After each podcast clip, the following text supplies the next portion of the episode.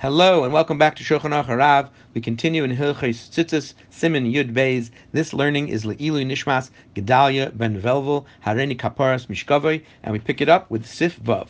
Kol Malkum Shetzarich Lishtar Kedei Aniva. In all the situations we've been describing, when you have to leave behind at least Kedei Aniva, the amount to make a small knot if something got severed. Yesharim, some say Shetzarich Lishtar Kol Hagedil Shalem, that this is only talking about that the after the braided part, meaning that's got to be fully intact, and then there has to be kedei niva from the fringy part. Umina anaf yishtar kedei niva from the fringe part. You have to leave behind at least it has to be left behind at least kedei niva in order to be kosher.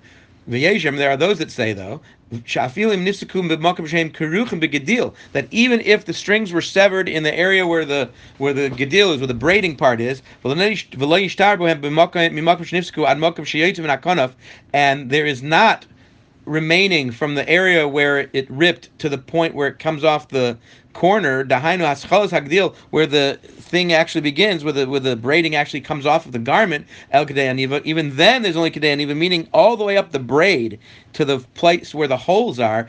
if there's at least kedei even only there, kosher. Ulisvari and according to the opinion earlier Shebirosh Sif Beis, we quoted in Sif Beis, mean that was afilu nifsuk koach chutin hakurich that even if all of the uh, chutin, all the strings that are wrapped around in the braided area were severed. Neva, and all that's left from them is kedei aniva. Kosher, we said that was kosher. If all the strings were cut up, up, you know, ripped up all the way up to the corner, up to the garment itself, that's still kosher. And we then all you're left behind is this like little nub of braided part. So what you should do is yatri menu kitzas krichais. You could undo some of the braiding kadesh by gamkein anaf ma'at, so that there still is some unbraided fringy strings hanging off. Kagain, for example, gimel if three areas, three sections of the braided part were set is what's all that's remaining. Yatimenu beis chulia is undo two of those sections. V'yaniach chulia achas and leave one braided. So that would be kadesh shalish Gadil. There will be one third braided. Ushni shlishi. Ushnei and two thirds of fringe. The minig of the world is to go like the other opinion the, the second opinion in the other in Sif Beis. There's got to be kedei after the braided part.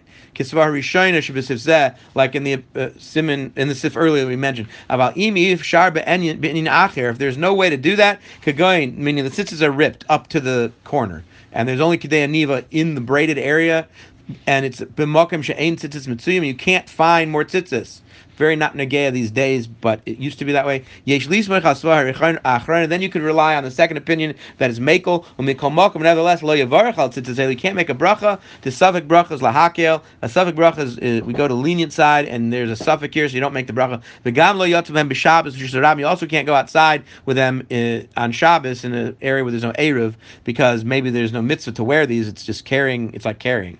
Mietz Hashem, we will con- we will com- continue and complete Sif Yud Be Simin Yud Beis tomorrow. Have a great day.